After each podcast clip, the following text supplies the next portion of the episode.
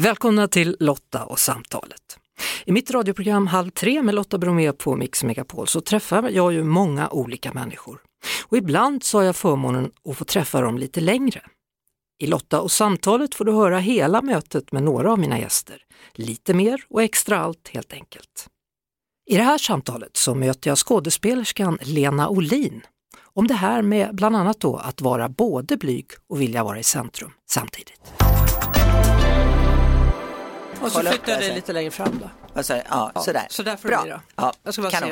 se, nu ska jag se hur du låter då. Ja, nu ska vi höra hur jag låter. Ja, det låter bra Ja, faktiskt. toppen. Ja, har du haft en bra morgon? Ja, tack. Ja, Då perfekt. lämnar jag Lotta. Ja, tack, tack. Hej, tack för att tack. du kom. Jag ska också lämna. Lena Olin, välkommen till Halv tre. Tack så mycket. Jag la märke till att du hade dalahästar i olika färger på, på ryggen på din tröja, det var fint. Ja, jag fick, det var någon av dina kollegor som sprang ut och frågade var är tröjan ifrån? Jag vet faktiskt inte, men jag tycker det är så fint med dalahästar. Ja, hur, hur är det att vara i Sverige?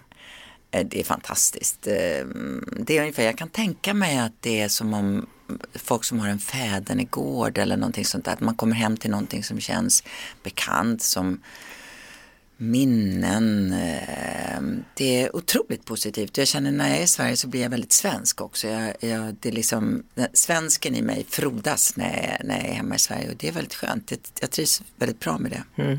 Jag träffade din dotter Tora häromdagen Ja. och hon var så osäker när vi skulle göra intervjun. Hon sa, jag kanske inte har ett perfekt språk för jag har ju lärt mig svenska via mina föräldrar så jag kanske har ett väldigt gammaldags språk. för de, de, det var ju länge sedan de bodde i Sverige. Ja. Jag tyckte det var så gulligt sagt. Ja, nej men hon, hon, de, de, hon pratar svenska med, det är ju bara med mig och Lasse och vi, så att hennes, henne, hon säger, jag känner mig som jag är en äldre människa när jag pratar svenska, men hennes uttal är ju perfekt så att hon, eh, jag tycker att hennes svenska är fantastisk med tanke på att hon, och nu lever hon ju inte med oss längre eller har inte gjort sedan hon var Nej. 14 så att eh, det är inte så mycket svenska hon pratar så att det är Hon pratar inget fel på hennes svenska. Nej, jag är nej. också gammaldags i språket säkert. Vårdat språk är viktigt du. Det är det faktiskt. I allra högsta Ja, grad. ja. Ja, inga jävla lurar inte. Nej. Du, eh, eh, hur var det att spela in den här filmen? Det var otroligt på så många olika plan. Det var väldigt roligt att vara med från början. Från det att idén föddes och tanken och eh, när Hilma tog fäste i Lasse och pockade på att historien skulle berättas. Och det, det känns verkligen som det var så för det var så otroligt många eh, tecken på att eh, vi skulle göra den här filmen och Lasse blev väldigt gripen av henne och hennes historia och började skriva manus och sen kom jag in i bilden och Tora in i bilden. Och vi har ju hållit på med det här nu i många år eh, och förberett och jobbat med manus tillsammans och att sen börja inspelningen när allting föll så på plats och det kändes som i Toras fall så kände jag det som att hon, hon var Hilma under, under de här inspelningsveckorna. Eh, det var otroligt starkt och otroligt upplyftande och ja, det, det, det och krävande samtidigt. Det, det tog tid att komma ur det sen. Lasse fortsatte ju med klipparbetet under december, januari, februari och ända tills nu egentligen. Men för Tora och mig tog det ett tag att liksom släppa, för henne i synnerhet tog det tog ett tag att släppa. Men, men hur var det för er då eftersom hon spelar som ung Hilma och du Hilma Mm. lite äldre variant. Ja. Tora har ju huvudparten av, av rollen. Ehm, Men pratar ni ihop er då? Eller, Ja, nu har kan ju vi- inte liksom helt plötsligt få nya drag. Nej, nej, vi är ju väldigt lika i mångt och mycket. Och sen så var vi, gjorde vi så att jag ofta var på inspelningsplatsen när hon filmade och tittade på hur hon, hur hon förhöll sig. Och tvärtom, att hon tittade på när jag hade mina dagar. Och, och sen så, så tror jag att vi båda två kom så nära Hilma i och med, det, i med förberedelsearbetet och att vi så lång tid. Och Tora som är kunnig, eh, som är bra på att skriva manus också, hon, hon skrev ju om manuset som inte alltid finns i filmen men som för henne var ett sätt att väldigt organiskt komma in i rollen. Och så diskuterade vi så mycket och hade workshops med Lasse och, och det, vi kände oss nog väldigt väl förberedda när vi började filma. Hur gick det när ni var hos det där mediet? eller flera medium? Ja, egentligen en som Lasse som, som, som vi tyckte då hade halt. Eh, jag ska bara säga en grej. Ja. Eh, den här Hilma som filmen handlar om då, hon var eh, väldigt spirituell. Mm. Hon målade så småningom abstrakt konst mm. men hon var också själv ett medium. Ja. Så det är därför jag säger till dig nu, inför filmen mm. så använder ni er av ett medium för ja. att göra research. Det var så egentligen väldigt klokt av Lasse sa eftersom Hilma då som han hade förberett och jobbat med så jag måste ju också försöka få kontakt med den här världen som hon levde så nära. Eh, och hon hade ju med sig det från det hon var liten, att hon hade, eh, och, och det hon beskriver när hon målade, så det, det, ser ju abstrakt ut men det är ju samtidigt varför hennes konst berör så mycket tror jag, för att hon, som hon själv uttrycker, jag, jag målar det jag ser. Jag ser någonting och jag försöker måla det och det är ju mm. som alla, allt fantastiskt är ju inte alltid eh, man kan inte alltid klä det i ord och det är där konst kommer in eller musik, eh, musik eh, bildkonst, målerikonst, filmer. Att det, det, man förstår inte riktigt med intellektet och man skulle inte kunna verbalisera det. Men det är någonting som känns och som blir så betydelsefullt. Och det var det hon försökte meddela oss och samtidigt förklarade henne som tokig nästan och undrade vad är det hon håller på med, kan hon inte måla som man ser vad det föreställer. Men hon, hon försökte berätta om en inre värld eller en andlig värld som hon såg. Och, och jag tycker det är så gripande att hon att hon bestämde sig för att, att acceptera att samtiden inte förstod henne. Men att hon målade för oss. Hon målade for the future. Det var, ju, mm. det var det som var så otroligt när man såg utställningen på Guggenheim-museet i New York för ett par år sedan. Och folk som står framför hennes tavlor och tårar rinner och de säger jag kan inte gå härifrån för det är någonting med den här tavlan. Och att hon fick ett sånt genombrott mm. och att eh, hon visste att det kommer ta årtionden mm. innan världen kan ta emot det. Hennes konst eh, finns på Moderna Museet just nu, ja, en vandringsutställning. Ja. Om det är någon som lyssnar som känner att nu ja. måste, måste jag titta på det här. Men hur tyckte du det var att prata med ett medium? Jag är nog den i familjen som från början har, har, känt mig väldigt andlig eller känt kontakt med någonting som jag inte kan prata om eller formulera. Eller för, för jag tänkte aldrig... på det, när, när, du sa det så pekade du upp ja, i luften ja, det här med ja. andarna. Nej, men jag har en väldigt trygghet i det som finns bortom känner jag som, men det är ingenting som jag kan formulera eller som jag eh, kan prata om. Men jag följde faktiskt med när Lasse gick till det här mediet första gången därför att vi, han har hund och vi har våra hundar och jag sa men jag kan ju följa med med hundarna och sitta och leka med hundarna ute i trädgården. Mm. Vilket jag gjorde och så lyssnade jag på vad han sa och det var så otroligt mycket intressant information om Hilma. Som, och då hade jag ju, eftersom jag lever med Lasse, tagit del av allt det han hade tagit. Han läste ju, han åkte till Tyskland och träffade Eh, hon som skriver en bok eller har nu mm. Eh, Julia Foss som har skrivit en bok om Hilma och han, han har ju verkligen varit ambitiös, träffat familjen, gå, åkt till alla ställen där hon målade och så vidare. Eh, men det här var nyheter och det sättet han beskrev henne och det sättet han pratade om henne på det sättet han pratade, det, det var otroligt bra regianvisningar. Mm. Mm. Så jag eh, bara får låna papper och penna och började skriva ner det han sa. Och mycket av det han säger att Hilma sa till honom det är, det är på riktigt eh, med i filmen. Eh, Så i eftertexterna står det vad? Exekutiv producent medium? Special tack. special tack, ja. mediet. Ja. Ja. Ett poddtips från Podplay. I fallen jag aldrig glömmer djupdyker Hasse Aro i arbetet bakom några av Sveriges mest uppseendeväckande brottsutredningar går vi in med hemlig telefonavlyssning och, och då upplever vi att vi får en total förändring av hans beteende. Vad är det som händer nu? Vem är det som läcker? Och så säger han att jag är kriminell, jag har varit kriminell i hela mitt liv men att mörda ett barn, där går min gräns. Nya säsongen av Fallen jag aldrig glömmer på Podplay. Du, eh, trodde du någonsin att du skulle komma till Hollywood? Nej, jo, jag har alltid levt väldigt mycket i mina drömmar eh, som är jätteallvarliga för mig. Alltså det är inte drömmar som, åh, tänk om det kunde vara så, utan liksom nästan, eh, jag har sett och, och, verkligen trott på det jag ser. Eh, så jag tror att jag hade en, någon märklig övertygelse om att det skulle, att det skulle gå bra. Eh, men sen, var inte, sen hade jag ingen sån där som man mm, ambition att åh, jag vill bli filmstjärna i Hollywood. Men det var någonting som skulle hända som, som kändes som att det var lite märkvärdigt. Det, det, hade jag, det kände jag på mig. Eh, men sen var jag så nöjd när jag började jobba på Dramaten och fick spela teater och så. Så att det, det blev lite sådär som en bonus nästan faktiskt. Jag läste det att, att teater och, och att, att, att, agera skådespeleri var ett sätt för dig att, att komma över rädsla, blygsel och ångest. Mm. På vilket Absolut. sätt? Vad, vad var det som... När man gick, för jag tror alltid haft det, jag var väldigt blyg när jag var liten men jag hade också ett väldigt behov av att bli sedd. Och det är en udda kombination och jag hade väldigt behov av att stå i, i centrum.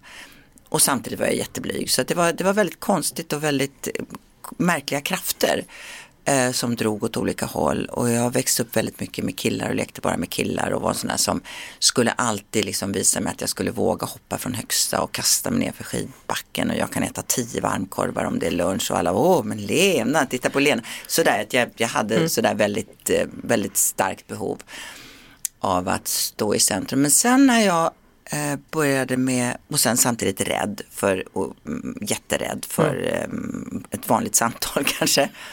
Eh, men sen när jag hittade det här med att, att, redan från småskolan att jag ville spela roller, jag ville spela huvudrollen.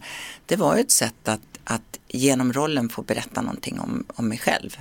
Få berätta någonting om, om, om någonting som jag visste och det är då via, via rollen och på den vägen är det att jag har ett otroligt starkt behov av att ikläda mig roller och hitta, man hittar ju något nytt med sig själv varje gång man spelar en ny roll. Så mm. får man liksom gå in i ett annat rum inom sig själv. Och sen har man med sig det där så man blir väldigt det blir väldigt stort hus att bära runt på. Ja, jag har alltid funderat på det där om, mm. om, om, man, om man gör en roll bra, om det betyder att man har grävt av sina egna erfarenheter eller Absolut. om det är att man är helt ny och det är därför man kan göra det. Men nu har du gett svaret, i alla fall ett ja, svar. Ja. ja. absolut. Jag tror att vi har så mycket inom oss som vi inte, det, det beror ju på vad livet utmanar oss med.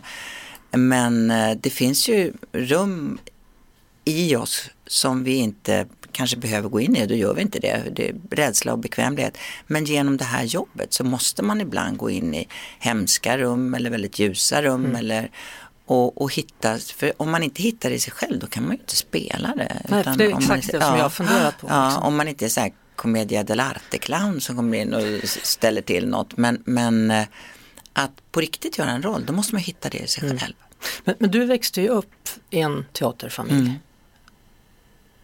Ja, var det då alltid självklart? Liksom? Eller Nej. Slogs, var det så att ni, ni slogs fel, inte rätt ord, Nej. var det så att ni tävlade då om uppmärksamheten? Var det det som gjorde att du, jag, hallå? Ja, jag, jag, jag, tror faktiskt att det var för att de, det, som sagt, min, båda mina föräldrar skådespelade, min pappa regissör och, och, min bror blev sång och teater och, och, och så hade de väldigt stort och, och intensivt umgänge med, med då skådespelare och, och den tidens mm. artister. Och det gjorde det att det var väldigt svårt att få, få en syl. Eh, alltså det, det, man fick verkligen, och, det, och de var väldigt roliga. Min pappa var fruktansvärt rolig och min mamma var rolig. Alla var roliga. Och det var, det var hårt alltså. Det var inte någon som, som, utan man fick kämpa om man skulle få ett skratt eller om man skulle få mhm. uppmärksamhet. Men sen har jag alltid känt mig väldigt älskad så det har inte varit det liksom och ingen såg mig, absolut inte. Utan jag var väldigt mycket mm. dyrkad av min, mina föräldrar. Men, men, men det var inte lätt att, att, att, att ta ton så att jag tror att jag lärde mig ganska eh, eh, jag satt och anammade, jag, jag, fick den kunskapen även om jag var tyst så satt jag och samlade på mig den kunskapen hur man skulle, ja men här kan jag komma in och säga någonting eller få uppmärksamheten. Mm. Eh, behöver man den typen av kunskap när man arbetar i Hollywood? Och i den filmvärlden framförallt? Nej, jag tycker inte det. Jag, för där har man just via rollen eh, så får man ju den platsen och den. Eh, så jag tror att det är ganska många i vårt yrke som har just den här eh, blygseln eller nästan hämmade personen men som via det här jobbet. För om man inte hade det så skulle man kanske inte behöva syssla med det här. Det finns väl ingen normal människa som skulle vilja välja det här jobbet, som skulle välja det här jobbet av fri vilja. För att det är ju då det man ser på ytan som ser så, åh vad glättigt och fantastiskt och roligt. Men det är ju ett jättehårt jobb också. Det tar ju på, ja. det tär. Men, men behöver du vid den här punkten i din karriär, behöver du gå på provfilmningar fortfarande? Eh, nej, inte, inte sådana allmänna calls, men när det kommer någonting så är det ju ibland att folk tycker att kan du, kan du göra en provfilm, kan du, göra, kan du sätta det här på, på tejp? Så att vi får se om det, om det kanske är en roll som är ganska långt ifrån en eller som eh, så kan det vara att man, eh, att man behöver, behöver visa att det här kan fungera. Och det gör man gärna om det är någonting man väldigt gärna vill göra. Men ofta så får man ju bara anbud också om att göra saker.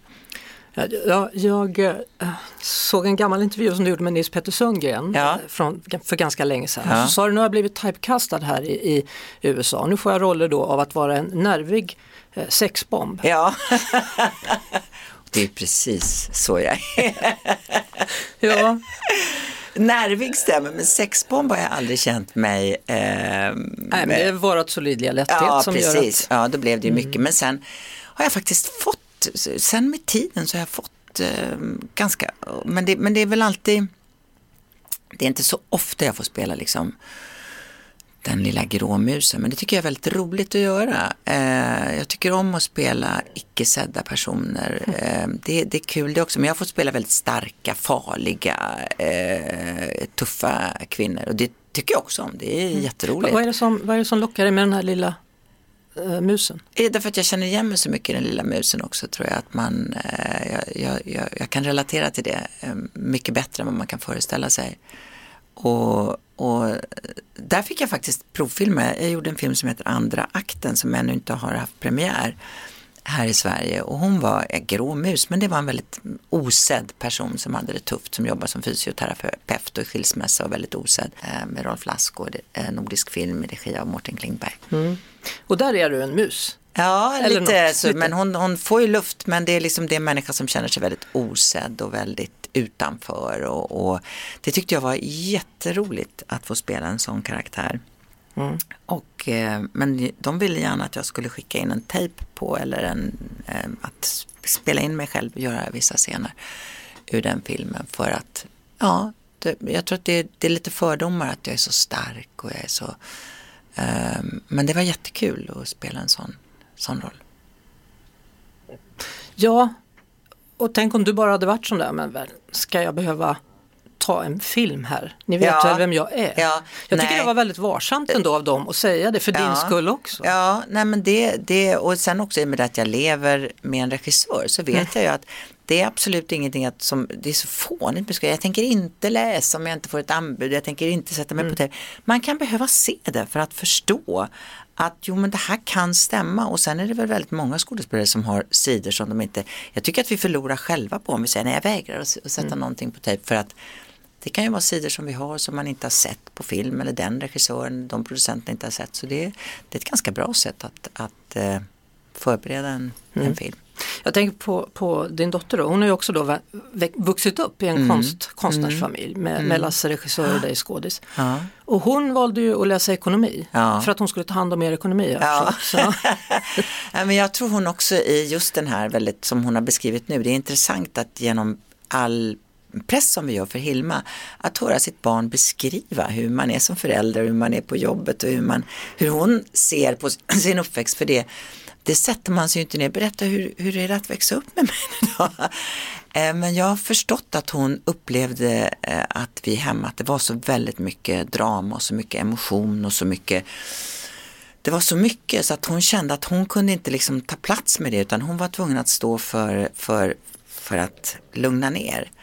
Och sen har hon alltid varit väldigt smart eh, och smart på ett, på ett också med det här med science och math och allt sånt hon där. är tävlingsmänniska berättade hon för Ja, mig. i allra högsta grad. Jag såg henne, hon var ju ganska liten till växten, hon var liten men skitduktig i tennis. Och hon var mycket mindre än alla och så dansade hon samtidigt som ett jättebra fotarbete. Jag kommer ihåg någon sa till mig tyst, mamma jag tror jag vinner det här och så tog hon allihop. Jätteroligt. Men jag tror att hon tog, och sen så kom det lätt för henne med matte och siffror och allt sånt där. Eh, Men kan och, du känna igen det där då? Att, att det var så Ja. mycket drama och att Ja. hon kände att hon inte Ja. riktigt, var ska jag Ja. vara i det här? Det kan jag faktiskt göra. Att det, och sen så hittar man, så när hon äntligen då bestämde sig för att hon så gärna ville göra Hilma, då var det som att allt föll på plats och att hon också kan liksom vara i sig själv utan att behöva, för allt det där som är lite obekvämt, i livet, att man är kanske överkänslig eller emotionell eller allt sånt där. Det är ju kanon i jobbet, det är fantastiskt bra i, i jobbet. Eh, Så att det var, det, var en, det var fantastiskt att se henne blomma ut och att komma på plats. Och jag tror att hon kände sig väldigt stärkt av att hon hade det. Hon gjorde ju en jättekarriär inom den korta tiden direkt efter college och har jobbat på de här Goldman Sachs och alla de här finansbolagen där hon har ehm, så det, det tror jag har stärkt henne väldigt. Eh, hur, är du, eller hur, hur var du som förälder då? Jag, jag vet inte. Jag tror jag varit väldigt närvarande men också väldigt fysiskt borta mycket för att jag var tvungen att jobba. Så att jag tror att de, sen är ju våra barn, det är ju första generationen immigrant kids, kids och jag tror att eh, immigrant girl, de, de blir väldigt självständiga och väldigt tuffa därför att de vet liksom att de snabbt får liksom språket mycket tidigare än föräldrarna. Vi kunde ju prata engelska men det här hur man lever, de, de anammar, barn anammar ju en kultur mycket snabbare. Så jag tror att eh, barn, första generationen, blir väldigt självständiga och väldigt drivna människor. Och eh, jag tror att jag som förälder har varit väldigt eh, närvarande i mångt och mycket men också att jag fysiskt var borta mycket. Och som Tora beskriver nu så att, att hon tycker att jag är väldigt, väldigt känslomässig och väldigt dramatisk. Och så har inte jag tänkt på att jag, att jag är. Nej, för du är en grå mus. Ja. Men hon har inte sett den där lilla grå musen, hon Nej. har bara sett allt drama kring. Precis. Men, men är du så? Är du yvig? Är du mycket Jag vet, privat? ja, jag tror, eller har jag, du blivit det? Eller Ja, vad- jag tror att jag är väldigt, och det där det tog jag liksom på, på när jag var liten var inom sport. Jag har alltid älskat sport och väldigt mycket idrott. Så att jag tror att jag tog ut det där. Vilken sport höll du på med då? Allt, hockey, Hockey. fotboll, basket, Mhm. allt. Jag älskade sport och det var liksom det jag gjorde när jag kom hem från, från skolan. På den tiden var det ju, fick ju barn springa lite som de ville och man var inte så orolig för att de skulle bli kidnappade och allt sånt där. Eh, Så jag var liksom ute och lirade hockey med killarna till 9-10 på kvällen när jag var liten, alltså, eller fotbollsplan eller älskade det. Och då levde jag nog ut väldigt mycket drama i, i idrotten. För att hemma vill jag liksom också, jag tror att jag också var så, jag hade ju en annan typ av drama hemma hos mig för det var mycket med massa elände som hände mina föräldrar och sånt där som, som, som jag då försökte nog vara liksom solen som skulle komma in. Ja, din bror dog va? Ja, det så? Ja. ja det var massa sådana där, Är det sånt du inte vill prata om? nej precis. Jag såg det i dina Ja. ögon. Don't go there. Nej precis. Fast du såg inte så sträng ut. Så, att, Nej, så att jag respekterar bara det. Ja, så tack. hoppar vi vidare. Lite. ja det gör vi. Att, att bo i USA då, Ja, som kvinna, ja, vilken tur att du inte bor i Texas. ja. Eller någon annanstans. Ja. Det är Och det var- många nya grejer som Ja, händer det är många, i USA. det är nytt i världen som händer. Det var någon som sa Hilma, vi behöver Hilma nu, vi behöver Hilma i oss själva. själva. Vi, behöver, vi behöver Hilma och att det kanske fanns en anledning till att hon sa vänta, vänta, vänta, vänta.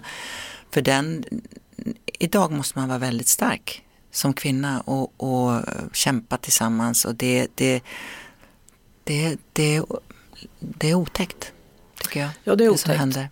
Det är otäckt. Och det, det är så svårt också att argumentera med någon som säger men så här är det. Ja. Nej, men, nej, men den här, om vi tittar här, fakta. Nej, men det där är falsk fakta. Det, till slut går det inte att diskutera. Nej, nej. Och, och jag har, har varit ganska mycket i USA under Ja. valrörelser och sånt. Ja. Och det, det är ju så, det är så uppdelat så att man, man blir ju livrädd. Alltså.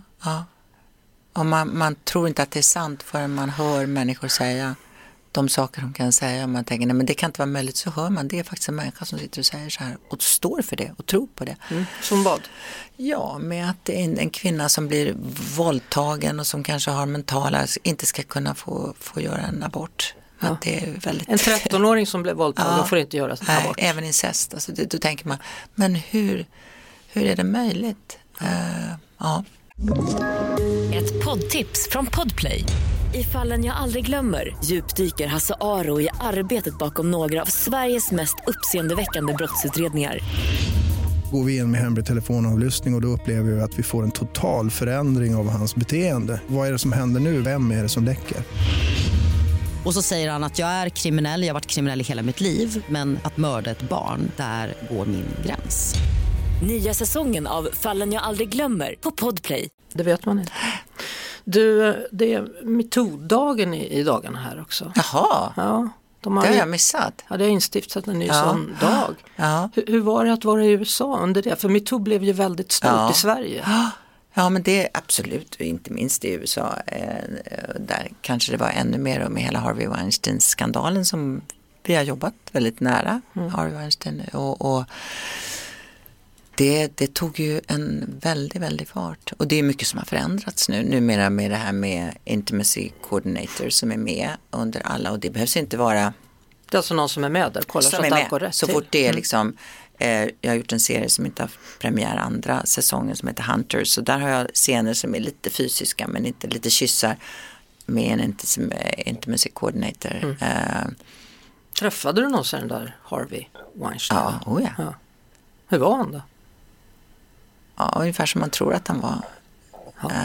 Hur tror man att han är? Jag såg den här Ja, filmen. bullrig, bullrig och det komplicerade är att han såg till att filmer blev gjorda och filmer som kanske inte annars hade blivit gjorda. Men bullrig och som vi har förstått nu, vidden av. Man förstod ju att det inte var någon ehm, Lucia-kandidat, kandidat, men, men vidden av hans otroliga eh, framfart och som han behandlade människor och kvinnor. Och, Men det var väl han väl inte på? jag var ju med Lasse, han, Lasse gjorde ju tre filmer med honom. Ja, och jag var ju med Lasse och var med. Och sen gjorde jag en film med Harvey utanför Lasse. Och så var jag då med i två av Harveys filmer med Lasse. Så att jag, vi, vi var ju mycket med honom. Men jag var ju liksom han var inte annat än väldigt respektfull och kul med mig. Men sen får man ju höra alla och det var ju Ja. förmodligen ehm, att vi var Två. ja precis exakt så att det inte var Det, jag, det pratas ju alltid, om man är kvinna då, om åldrandet. mm. Hur känner du inför det? Att vara skådespelerska och bli äldre? Ja, det, jag har inte så mycket känslor kring, jag fokuserar inte så mycket, sen blir jag äldre. Eh, tack och lov och jag, jag tycker alltså att jag är så jädra glad att jag får jobba, att jag får vara frisk och att jag lever. Jag har svårt att förstå att man är så bekymrad om man inte är sjuk. Att vara sjuk det är väl fruktansvärt eller vara klen eller men det är ju ännu jävligare om man är ung och sjuk eh, än att vara gammal och sjuk. Då har man åtminstone hunnit med men jag har väldigt svårt att förstå att man ska hålla på och oroa sig så mycket över åldern. Sen försöker man hålla sig liksom att man vill se fin ut i bild och eh, fåfäng och allt sånt där, såklart. Och det är ju ingen som ser ut som vi gjorde när vi var 25 eller 30 men, men jag tror att eh, åldrandet är en välsignelse att vi får, att vi får vara med. Man får leva och man får vara frisk. Och, och sen har jag liksom sån iver och sån längtan och saker som kanske var mer komplicerade för mig när jag var yngre som har lagt sig lite grann. Det är också häftigt.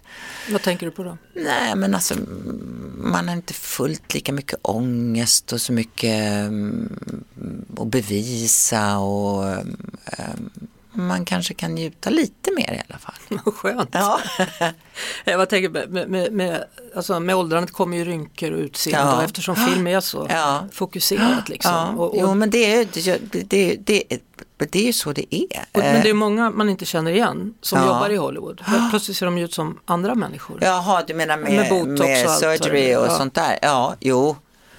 Men det blir aldrig riktigt bra om det är liksom, Har du gjort det? nej. Nej. Tänker du göra det? Nej, det är inte, inte vad jag planerar nu i alla fall. Jag vågar inte för jag vågar inte ha sprutor i ansiktet. Nej. Jag tycker det är läskigt. Ja. Men det finns så mycket man kan göra som är, som är som, att man tar hand om sig. Det gör väldigt mycket. Här har kan ju vara en bra grej. Akademikliniken här som hjälper mig med sådana där mm, behandlingar och facials och djupfacials och sånt där. Det är ju jätteinne på, krämer och jag är ju fåfäng som alla andra. Det är inte det att då kan jag komma och, eh, men, eh, men jag är väldigt glad att jag får bli äldre. Jag tycker det är härligt ja. Ja. ja. Hörru du, eh, jag har inte pratat om din hund. Åh, våra vovvar som vi är så förtjusta i. Vi är tokiga i våra hundar. Jag har alltid, jag har alltid haft en relation med. Jag tycker hundar är heliga. Djur är heliga. Eh, och det har jag alltid känt. Och jag fick min första hund när jag var fem. Och han räddade livet på mig. Jag stod väldigt nära den hunden. Och eh, jag har alltid haft hund. Och nu har vi, vi har en hund som är vår egen. Och så har vi Toras hund som bor, har bott hemma hos oss mycket. Med att de var så, tillsammans så mycket de här två under filminspelningen och för och pandemin inte minst.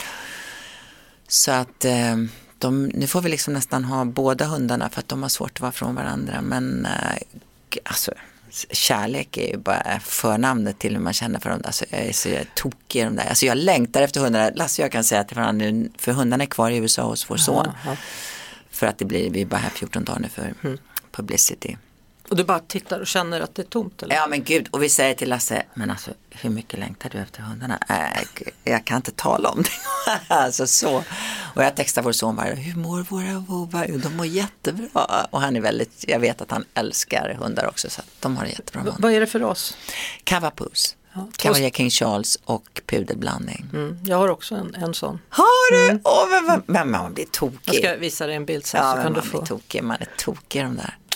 Nej, det är en fin, det är en fin blandning. Ja, gud, vad är det för färg på din? Han är mörk, svart och Ja. sen har han teckning. Ja, men det är som Bradley Cooper. Det är våran Bradley. Bradley Cooper. Ja, det är Bradley Och, och det andra är Cézanne. Cézanne. Ja, Cézanne är honungsfärgad men Bradley Cooper är svart. Men, men du, vad är hemligheten eh, bakom ditt och Lasses äktenskap då? Ja. Förutom att ni älskar hundar? Ja, Ja. det är väl det. Nej, jag vet inte, jag tror att det är, det är Lasse som nu har börjat tro på någonting mer och någonting andligt och medium. Och han fick höra via det här mediet som han litar så mycket på att vi har varit tillsammans sedan antiken. Jaha, Och då var jag regissör och han skådespelare. och, eh, och det där, det, det brukar han säga till mig, ja, men du vi har ju varit tillsammans sedan antiken. Det vi känns som att det, det kändes som att jag var, kom hem när jag träffade Lasse och på den vägen är det. vilken skön känsla. Ja. Det? Att inte behöva irra runt Ja. längre utan det är här du Ja. ska vara. Var det så du kände? Liksom? Ja, det var det. Kan man beskriva med något mer ord eller är det bara det? Nej, det är nog bara det. Och så att vi växer tillsammans så att vi Eller bara bara? Ja, men att vi, att vi liksom lever tills, att vi inte liksom, jaha nu sätter vi oss ner, utan vi är ju verkligen på språng hela tiden, både till det inre och yttre. Komma hem. Mm. Jag tror att vi har kommit till slutet av vårt samtal. Vad tror du? Jag tror det också. Ja. Lena Olin, stort tack för att du ville vara med i Halv tre. Tack själv. Vad kul att få träffa dig. Ja, detsamma. Det var väldigt trevligt samtal detta.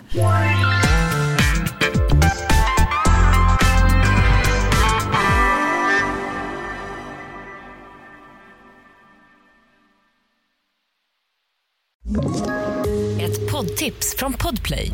I fallen jag aldrig glömmer djupdyker Hasse Aro i arbetet bakom några av Sveriges mest uppseendeväckande brottsutredningar. Går vi in med hemlig telefonavlyssning och, och då upplever vi att vi får en total förändring av hans beteende. Vad är det som händer nu? Vem är det som läcker? Och så säger han att jag är kriminell, jag har varit kriminell i hela mitt liv men att mörda ett barn, där går min gräns. Nya säsongen av Fallen jag aldrig glömmer på Podplay.